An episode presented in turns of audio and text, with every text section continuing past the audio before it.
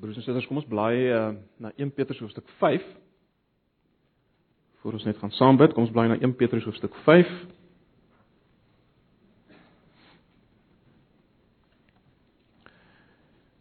Ja, ons is alweer baie amper klaar met met die boek 1 Petrus. Vinnig vinnig gegaan. Goed, as ons die Bybel oop by 1 Petrus 5, kom ons raak net stil en vra dat die Here ook met ons sal werk en praat vanoggend. Ag Here, ja, ons kom na U toe in groot afhanklikheid. Die bewustheid van die feit dat ons sonder U niks kan doen nie.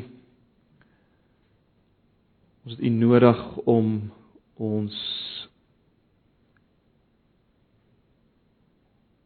oop te maak vir u woord, ontvanklik te maak, dit te laat verstaan. Ons het u krag nodig deur die Gees om uiteindelik te leef in die lig van hierdie woord. Daarom kom ons na u toe en ons vra u dat u ons sal help in hierdie oggend. Asseblief, Here. Help ons om te hoor dit wat u vir ons sê. Help ons om dit aan harte te neem. Help ons om dit te beoefen uiteindelik sodat die eer en die lof U sal toekom. En sodat die wêreld kan sien wie U is. Asseblief. Ons vra dit in Jesus se naam. Amen. Goed 1 Petrus 5, ehm um, dis eintlik 'n eenheid tot vers 9. Ek gaan net tot vers 7 lees. Uh ons gaan ook fokus spesifiek op vers 5 tot 7 alhoewel ek gaan verwys na die eerste uh eerste 4 verse ook. Maar kom ons lees vanaf vers 1 tot 7. Ek lees maar die 53 vertaling. Ehm um, ek sal wel ook wys waar daar 'n uh, verskille is van vertaling wat ons in ag moet neem.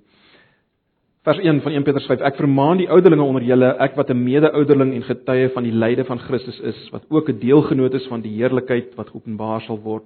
Hou as herders toesig oor die kudde van God wat onder julle is, nie uit dwang nie, maar gewillig, nie om vuil gewin nie, maar met bereidwilligheid ook nie as heersers oor die erfdeel nie, maar as voorbeelde vir die kudde.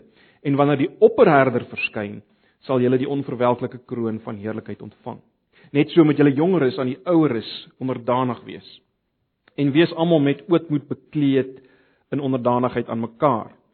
Want God weerstaan die hoogmoediges, maar aan die nederiges gee hy genade. Verneder julle dan onder die kragtige hand van God, sodat hy julle kan verhoog op die regte tyd. Werp al julle bekommernisse op hom want hy sorg vir julle. Ons lees net so ver.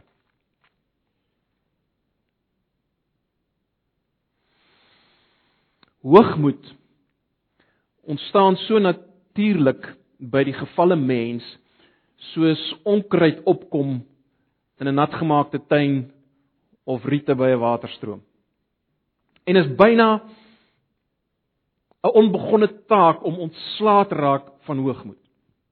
Nou dit dis met hierdie hierdie sonde waarmee ons vanoggend gaan besig wees uh in hierdie gedeelte in 1 Petrus want as ons mooi gaan kyk is dit baie duidelik dat dat dit dat dit hierdie sonde is wat Petrus hier wil aanspreek en wat hy uiteindelik as te ware vernietig wil sien in sy lesers.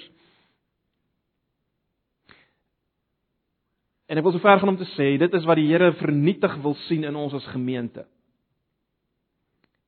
Hierdie sonde van hoogmoed. Hoekom sê ek dis waaroor dit gaan? Hoekom sê ek dis wat Petrus wil aanspreek? Wel, kom ons lees net vers 5 en 6 en ek gaan 'n paar woorde beklemtoon en uh, dan gaan julle dit self raak sien. Vers 5 en 6. Net so moet julle jongeres aan die oueres onderdanig wees en wees almal met ootmoed bekleed. Nou eh, eh, wat betref vertalings, julle sal sien, ehm uh, die 83 vertaling vertaal dit en ek dink ook die die nuwe direkte vertaling vertaal dit, julle moet aan almal uh, aan mekaar onderdanig wees. Uh, ootmoed is maar dat 'n uh, ou woord uh, ook vir uh, wat ons gebruik het vir vir onderdanigheid. Ekskuus, ek uh, ek sê onder ek sien nederig, nederig. Jy moet nederig wees. Dis dis die woord wat daar gebruik. Aan eh, ootmoed en nederigheid is maar dieselfde woord. Want God weerstaan die hoogmoediges, gaan die vers verder. Maar aan die nederiges gee hy genade. Vers 6: Verneder julle dan onder die kragtige hand van God sodat hy julle kan verhoog op die regte tyd. Ek dink julle sal raak sien hier's hier's is ten minste 3 bevele tot tot nederigheid. Uh as hy sê wees onderdanig, dit is die gedagte van nederigheid. Ootmoed het ek nou alreeds gesê, 'n ander woord vir ootmoed waarmee ons onsself moet beklee of waarmee die lesers hulle moet beklee is 'n oproep tot nederigheid en dan baie eksplisiet in vers 6 verneder julle, verneder julle. Verneder julle. Baie duidelik. Let wel, die opdrag is nie hier om om net nederig te voel nie of om uh, net te bid vir nederigheid nie. Die, die opdrag is werklik leef met nederigheid, né? Nee, leef met nederigheid. Uh en en dit is baie belangrik om te sien dat dit aansluit by die eerste 4 verse. Ehm um, vers 5 begin met 'n net so moet julle jongeres aan die oueres onderdanig wees. En dan gaan hy voort met die hele gedagte van nederigheid.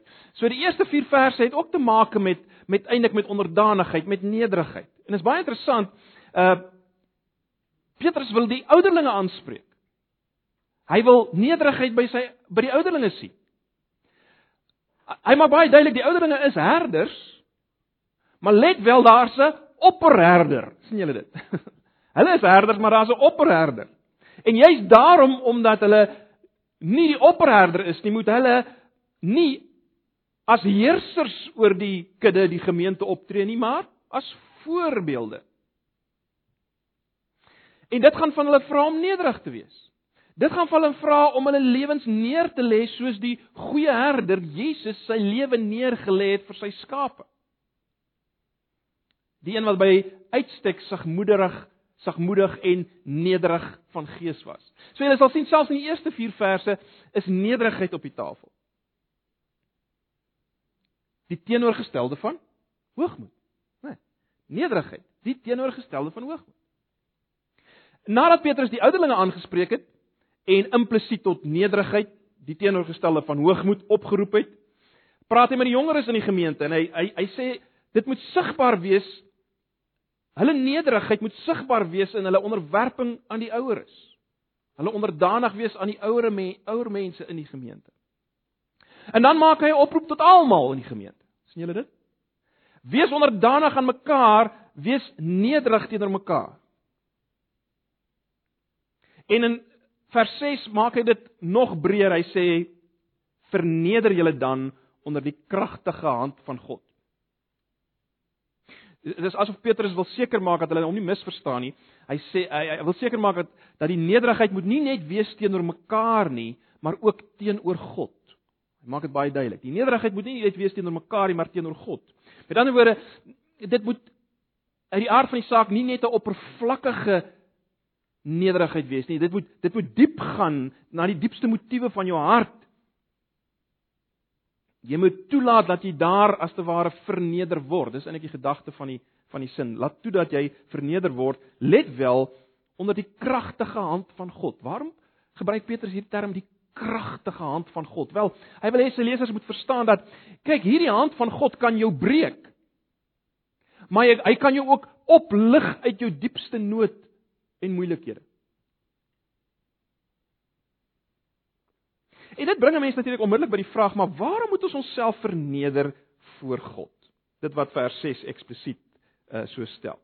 Wel die antwoord is baie duidelik in vers 5b en vers 6b. As jy kyk na vers 5b en 6b, is die antwoord baie duidelik, né? Nee?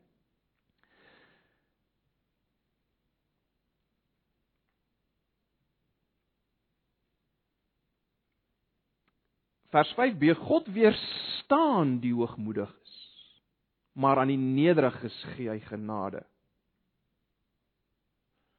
En dan ook vers 6 Verneder julle vers 6b, uh, eintlik die hele vers 6 kan mens maar lees. Verneder julle dan onder die kragtige hand van God sodat hy julle kan verhoog op die regte tyd. So waarom moet ons onsself verneder onder die kragtige hand van God? Wel, omdat God die hoogmoediges weerstaan. God weerstaan die hoogmoediges, maar hy gee genade aan die nederiges en hy verhoog die nederiges op die regte tyd. Maar waarom stel God homself teen hoogmoediges? Waarom weerstaan hy hoogmoediges? Hy hy stel homself teen hoog, hoogmoediges. Waarom doen hy dit? Dis miskien 'n vraag wat ons moet vra. Broers en susters, omdat hoogmoed as te ware die bron is waaruit alle ander sondes voortvloei. Weet jy of jy al ooit so aan daaraan gedink het nie? Dit was die sonde van Adam ten diepste, was dit nie? Hoogmoed. Adam het hom verbeel hy weet beter as God. Hy was self so arrogant om om te dink dat sy maker is bang dat hy net so groot word soos soos God sou wees. En soveel sou weet soos God. Jy sien, Adam is gemaak om as te ware te wentel om God. Soos die soos die aarde om die son wentel. Om God te vertrou in alles. Dit dit was die bedoeling.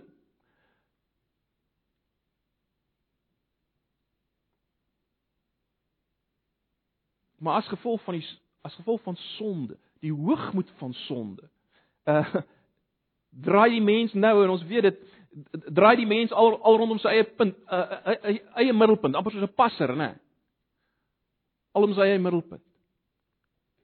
Hoogmoed is is met ander woorde iets wat van die begin af daar is. Dis die dis die bron waar dit alles sonde van die sonde van selfgesentreerdheid en selfliefde het hulle oorsprong in hoogmoed en is deurtrek van hoogmoed. En dis hoekom God dit weerstaan. Uh, Charles Spurgeon het op 'n stadium gesê van hoogmoed, hy het gesê this is the torch which kindled hell and set the world on fire. Hoogmoed. Hoogmoed. Mens sien van die begin af van die Bybel die verwoestende pad van hoogmoed, né? Nee. Mens sien dit by Kain uh, wat goddelike reg in sy eie hand wil neem. Mens sien dit by uh Farao wat God as te ware uitdaag tot 'n geveg. Mens sien dit later uh in die boek Daniël by Nebukadneser wat homself as God as te ware besing. Hy plaas homself in die posisie van God. En ons weet wat gebeur met hulle almal. Dink maar net aan Nebukadneser. Uiteindelik moet Nebukadneser gras vreet soos 'n dier. Jy sien God weerstaan die hoogmoediges. God maak hoogmoed met die grond gelyk kan dit nie verdra nie. Tereg eh, en en is reg dat hy dit nie kan verdra nie, want hy is God. En hoogmoed is per definisie as jy jouself begin plaas op die plek waar God is.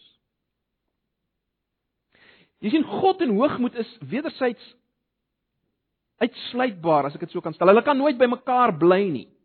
Juis omdat hoogmoed per definisie daar het bestaan dat jy jouself tot God verhoog en daarom kan die twee nie saamgaan nie. God weerstaan dit. Maar miskien vra jy, maar maar is dit vir God so erg in sy in sy eie kinders? Weerstaan, want onthou nou Petrus uh, Petrus praat met gelowiges, die Christene. So die vraag is, maar voel God ook so oor oor, oor hoogmoed? Is hy ook so teen dit gerig in gelowiges? En broers en susters, ons moet dit hoor. Ons moet dit vir mekaar sê. Sonde in Christene is steeds sonde. Hoogmoed in Christene is steeds hoogmoed. Dit het eers iets anders geword nie. Dis steeds dit. Ja, ons gaan nie meer in die finale sin veroordeel word daar, daarvoor nie. Maar dit lyk vir my as daar hoogmoed is, is daar gevolge van van genade en en verhoging hier en nou al. Dis dis baie duidelik. En kom ek stel dit so. Ek wil so ver gaan om te sê dat hoogmoed is nêrens so hartlik vir God as jy's in sy eie mense nie. Want as jy's by hulle wat die teenoorgestelde moet wees, nie waar nie? Kyk, on, ons weet dit uh, in die natuurlike lewe as jy As jy 'n siekte sien in 'n in 'n vreemdeling, dan dan kry jy hom jammer.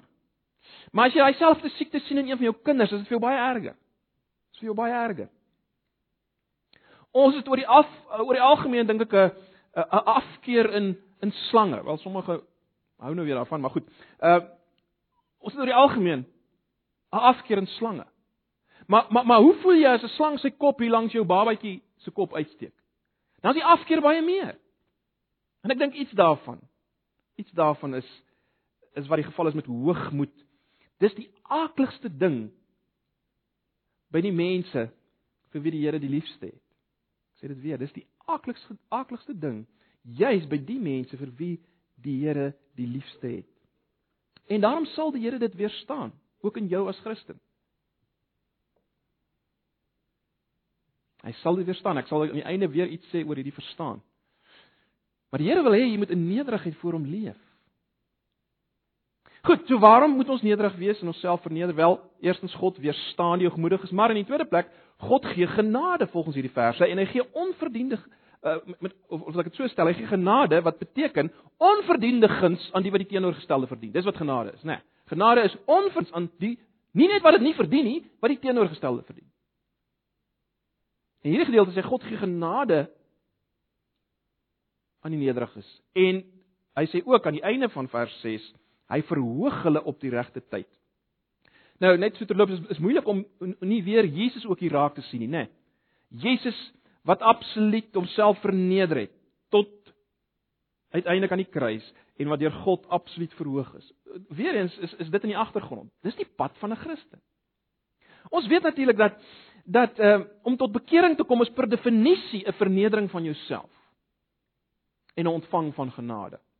Maar dit lyk vir my dat hier is sprake ook van van nederiges wat weer en weer in hulle lewe onverdiende guns, genade ontvang en verhoging kry. Gaan dink maar self, uh, as dit nou nie tyd om daarop uit te brei nie, gaan dink maar weer aan aan Josef se lewe en en aan Jesus self.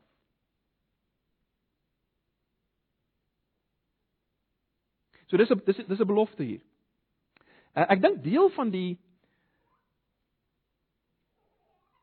die genade waarvan hier gepraat word wat God bewys aan die nederiges en die verhoging deel daarvan is dit waarvan vers 7 praat as hy praat van uh want hy sorg vir julle. Deel van sy sorg is daardie gee van genade en verhoog op die regte tyd. Maar ons wil nou nou iets weer daaroor sê oor daai sorg van die Here. Nou die vraag is natuurlik hoe verneder ek myself voor God? En en wat bedoel Petrus hier met die vernedering van jouself voor God?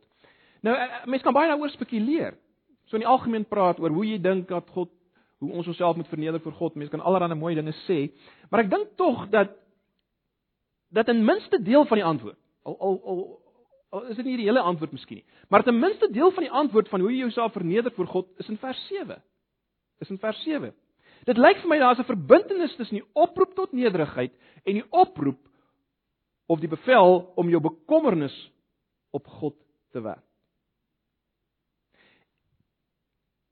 Dis miskien nie so duidelik in ons vertalings nie, maar ons het nie hier te doen met twee aparte begrippe nie.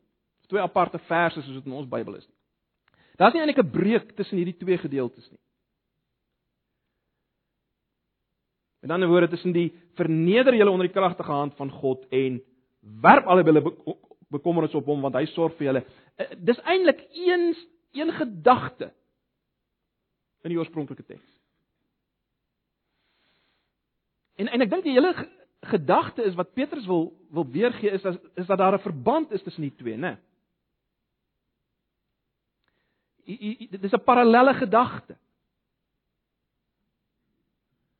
So die eerste gedeelte sê iets van die tweede gedeelte en die tweede gedeelte iets van die eerste gedeelte as jy wil. So om jou te verneder en om jou bekommernis op God te werp, hou verband. Hoekom? Hoekom hou dit verband? Wel, dit lyk vir my dat nederigheid kan aanleiding gee tot bekommernis. En daarom hanteer Petrus dit hier. Dit lyk vir my om jou bekommernis op God te werp is onontbeerlik as jy jouself wil verneder onder die kragtige hand van God en met nederigheid wil optree, bekleë wil wees teenoor ander mense. So dis nie twee aparte goed nie. Dis dis belangrik miskien om dit net raak te sien. Uh om jou bekommernisse op God te werp is nie 'n ding wat jy doen nadat jy jouself verneder het of op 'n ander tyd of dis dis is nie twee aparte goed nie. Dis dis die belangrike ding. Dis iets wat jy doen. Met ander woorde, jou om jou bekommernis op God te werp is iets wat jy doen in jou vernedering van jouself. In die proses om jouself te verneder.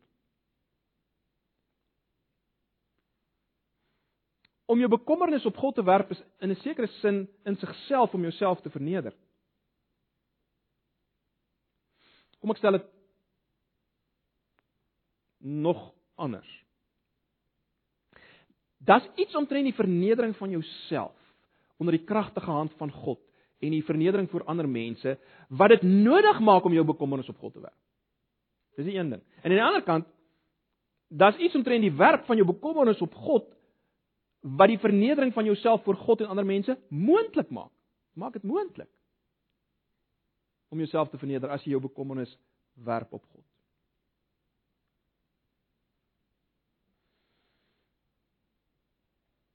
So daar's 'n verband. Dis belangrik dat jy dit sal raak. Daar's 'n verband tussen vers 6 en 7. Maar die vraag is natuurlik hoekom veroorsaak nederigheid angstigheid? Hoekom sal nederigheid nou angstigheid, bekommernis veroorsaak sodat jy daai bekommernis op God moet werp? Hoekom het ons nodig dat iemand ons bekommernis moet wegneem? Wel dink aan die woord nederigheid, né? Nee. Uh, in Engels beteken die uh, beteken die woord lowliness of mind. Met ander woorde, nederigheid gaan ten diepste oor 'n oor 'n houding teenoor jou teenoor jouself wat uitdrukking vind teen in jou optrede teenoor ander mense. Dit is baie dieselfde as as as die die gedagte in sagmoedigheid. So 'n nederige ou het gesien wie is ek voor God? Ek is eintlik vir hom niks nie. Is absolute onverdiende guns dat hy my aanvaar. Ek het niks om op te staan my regte wie ek is, hoe goed ek is en hoe groot ek is nie. En daai houding teenoor myself wat ek gesien het wie ek is teenoor God, daardie houding teenoor myself kom in kom tot uitdrukking in my verhouding met ander mense. Met ander woorde, dit beteken dat nederigheid sal daartoe lei dat ek sal erken en jammer sê as ek 'n fout gemaak het. Ek was verkeerd. Ek is jammer. Ek staan nie op my reg van nou ek sal maak soos ek wil want nee. Nederigheid sê ek is jammer. Vergewe my. Dit beteken dat jy sal hulp vra as jy hulp nodig het. Jy nie te hoogmoedig om as jy swak is of siek is of 'n probleem het, hulp te vra. Dit beteken dat jy gewillig sal wees om maar gewone werk te doen en tyd te spandeer met gewone onbelangrike mense ongesiens deur die lewe te gaan. Dit beteken ag en ons kan nou baie oor praat, maar dit beteken dat ek 'n nederige ou kan nooit homself verhoog op 'n rassistiese manier byvoorbeeld. Net omdat ek 'n ander kleur is, is ek beter as die ander ou of wat ook al. Dit pas glad nie by nederigheid. En of ander vorm van rasisme. Maar goed, die punt is nederig en nederigheid in al sy forme beteken dat jy kan 'n bietjie aansien verloor, né? Nee, om dit so te stel. Uh dit kan beteken, dit beteken dat jy gaan nie altyd raak gesien word nie. Jy gaan nie geprys geword soos jy dalk graag geprys wil word nie en beloon jy gaan nie beloon word soos jy graag beloon wil word nie. Dit kan dalk wees dat jy dan neergesien word op jou. Jy kan dalk nie so ryk en welvarend wees soos jy graag wil wees nie. Ehm uh, jy die belangrike een wat voel dat jy dalk die middelpunt is. Uh nederigheid gaan beteken dat dit van jou weggeneem gaan word. En dit gaan seermaak, né? Nee al hierdie dinge gaan seermaak. Dit bring sy eie bekommernis. Nederigheid om jouself te verneder bring bekommernis. En ek dink iets daarvan, iets daarvan wil wil Petrus hier aanspreek. Dit is interessant om, om net terug te gaan na vers 5 se woord wat daar gebruik word as hy sê in die 53 eh, vertaling ehm um, dat hulle hulle self met ootmoed letterlik dan nederigheid moet beklee. Uh die agtergrond daarvan is natuurlik mens dit is die woord wat uh wat gebruik is die die die doek wat Jesus as te ware om homself gebind het toe hy die disippels se voete gewas het. Dis die dit wat dit kon daai ehm um, gedagte by die by die lesers bring en en en en, en dis geweldig nê nee, om 'n voetewasser te wees, nederig te wees. Uh dis iets waarvoor mense nie kan sien nie. Dit bring sy eie bekommernis, né? Nee. So, die punt is net dit. As ons regtig nederig wil wees, moet ons hierdie bekommernis probleem kan oplos. om dit so te stel. Iemand moet ons bekommernis wegneem, anders dan gaan ons wegduins van nederigheid af. Iemand moet ons bekommernis wegneem, anders dan gaan ons nie wil nederig wees nie. Ons gaan wegduins van nederigheid af. En dis die punt van vers 7. Dis die punt van vers 7, né? Nee. Kom ek lees kom ons lees net weer.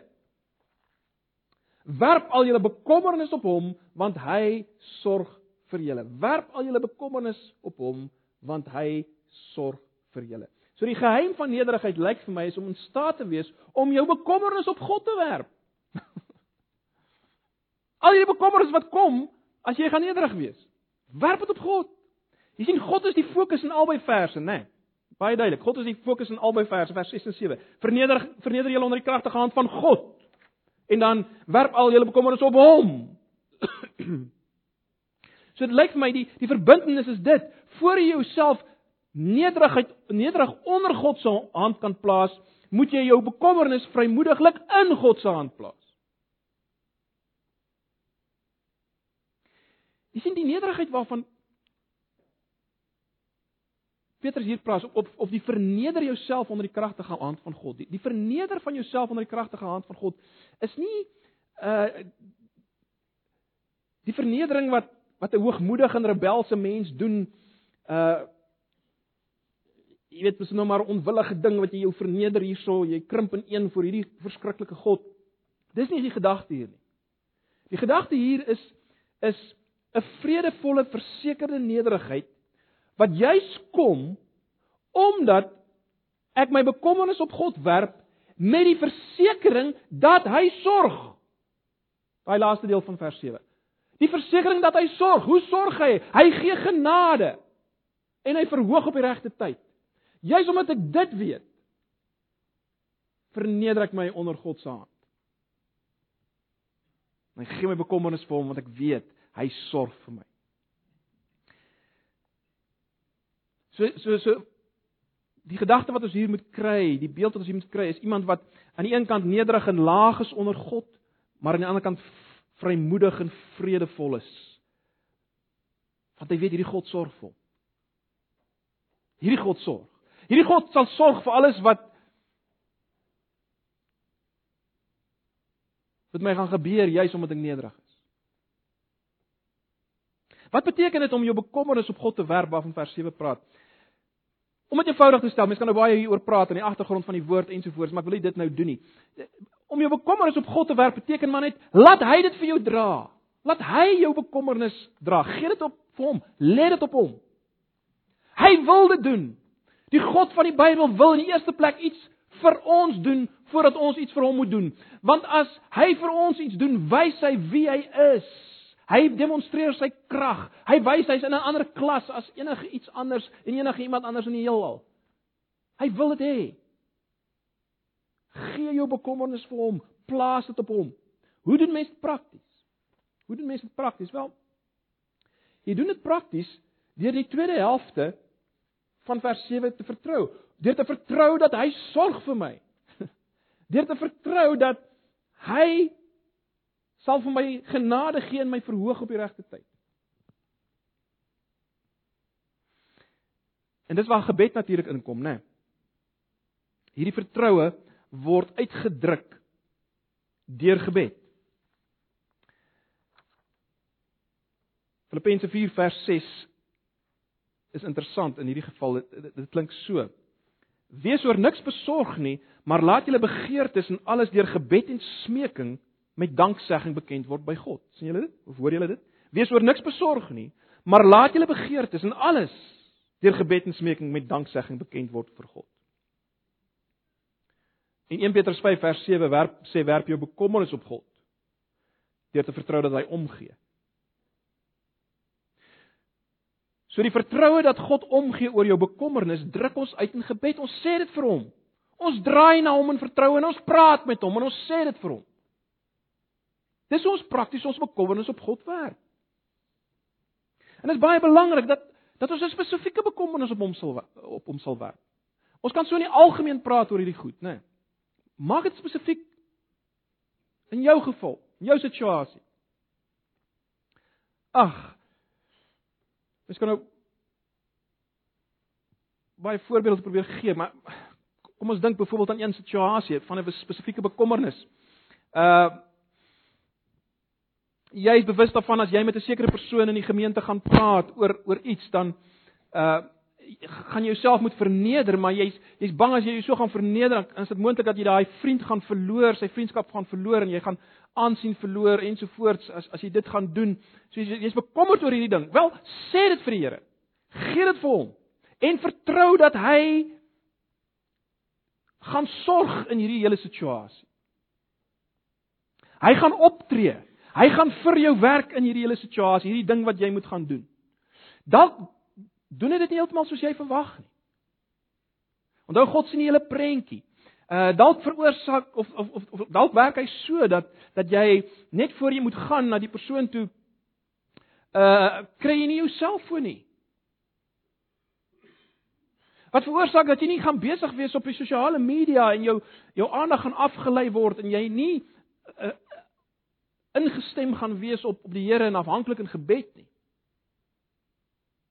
Wat gaan veroorsaak dat jy nie werklik met hierdie persoon kan praat en hom kan bedien nie. Sodat God jou op 'n vreemde manier genade kan gee in hierdie gesprek met hierdie persoon en gaan verhoog nie. So jy sien, daai verloor van die selfoon of ag mag mag jou motorsleutels wees, wat maak nie saak. Ehm uh, God gebruik dit. Hy hy hy deur Christus hy gebruik dit. Hy sorg vir jou. Nie altyd op die manier hoe ons sou wou gehad het hy moet sorg of hoe ons sou dink hy moet sorg nie want hy's groter. Hy hy werk weier. Hy sien alles. Maar vertrou hom daarvoor. Werp hierdie bekommernis op hom, hierdie spesifieke bekommernis op hom. Vertrou hom daarvoor. Hy sorg vir jou. Hy gaan deurkom. Hy gaan genade gee, hy gaan verhoging gee. Ag, dit is so belangrik broers en susters dat ons dit dat ons spesifiek sal wees in hierdie dinge. Maar goed, ek hoop wat julle of dat julle raak sien dat hoogmoed maak dat ons die wonderlike seën mis van 'n God wat ons bekommernis op hom neem, wat vir ons sorg, wat vir ons genade gee, wat ons verhoog. Ons mis dit deur hoogmoed.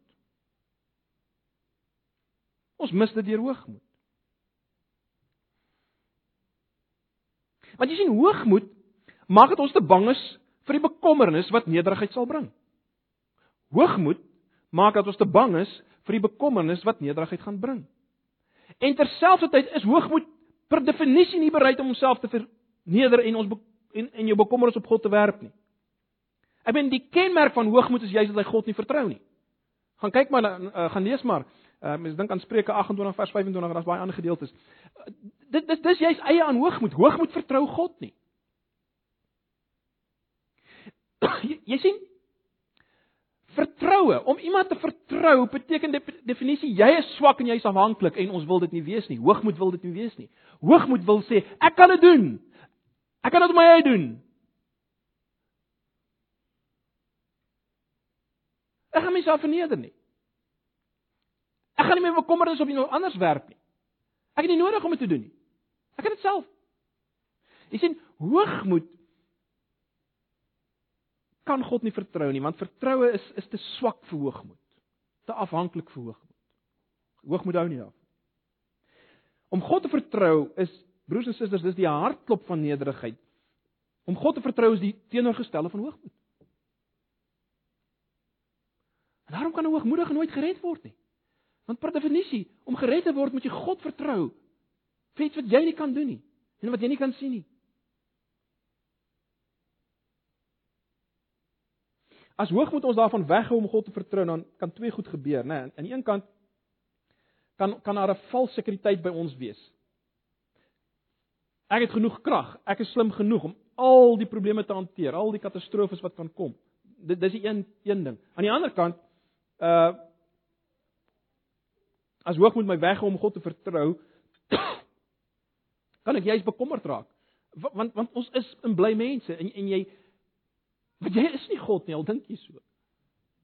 So jy gaan bekommernis dra. Met ander woorde, hoogmoed dra en ek sê eie bekommernisse. Dis dis wat die punt wat ek wil maak. Hoogmoed dra sy eie bekommernisse. Ag broers en susters. Die oplossing vir hoogmoed is om jouself te verneder voor God, jou bekommernisse op hom te werp met die vertroue, hy sorg vir jou, hy gaan genade gee, hy gaan verhoog op die regte tyd. Hy gaan dit doen. Dis die ingesteldheid van 'n kind van die Here. As baie interessante gedeelte uh, in Lukas in Lukas 10 uh, Martha en Maria uh,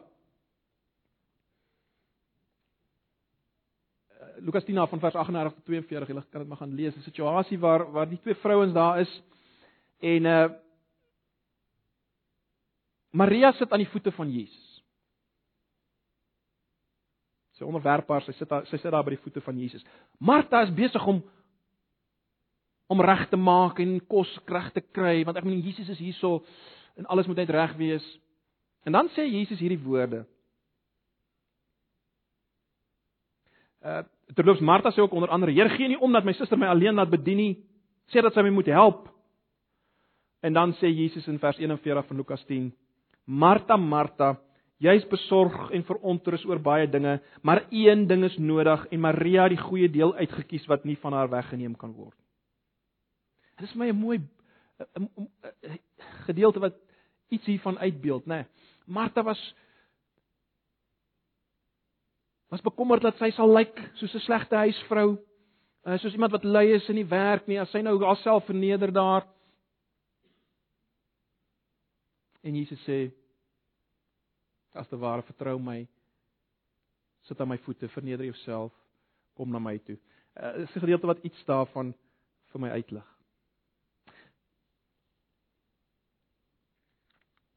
Kom ons sluit af met 'n paar opmerkings net.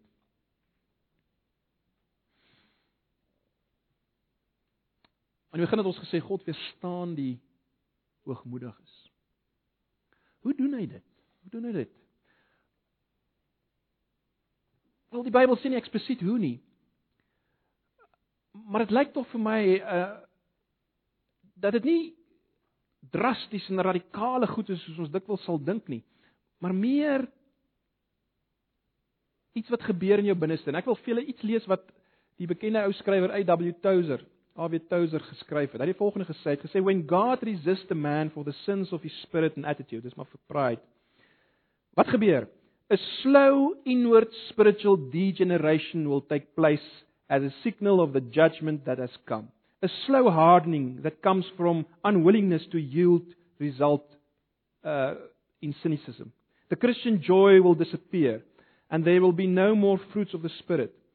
That man will sour as a jar of fruit sours, and it is not an exaggeration to say that the, the man who has earned the resistance of God will continue to sour bitterly in his own juice. Hy innerlike ding wat gebeur as God jou begin weerstaan vir jou hoogmoed. Dis tragies. Ag, maar hierdie gedeelte sê vir ons dit hoef nie so te wees. Hoef nie so te wees nie. Verneder jouself onder God se hand. Werp jou bekommernis op hom. Vertrou dat hy vir jou sorg. Hy genade gee dat hy verhoog op die regte tyd. Vertrou hom daarvoor. Ek wil kans gee vir stil gebed elkeen van ons. Kom ons doen dit prakties nou deur gebed. Doen dit wat ons nou hier gesien het. Verneder jouself. Werp jou bekommernis op hom. En doen dit aan die hand van Filippense 4 vers 6. Sê dit vir hom. Gee 'n paar oomblikke van stil gebed.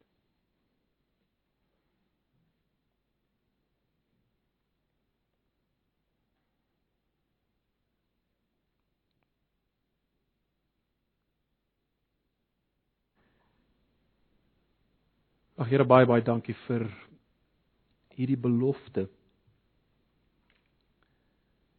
vir ons wat onsself verneder voor U en voor ander. Dankie vir die belofte dat U genade gee aan ons. Dat U bly onverdiende guns gee, verskillende wyse aan ons wat onsself verneder voor U. Dankie vir die belofte dat U ons sal verhoog op die regte tyd hier en nou, maar natuurlik ook uiteindelik eendag sal ons verhoog word saam met Jesus. Dankie vir die beloftes. Help ons Here, ons wat van nature geneig is tot een of arm, een of ander vorm van hoogmoed.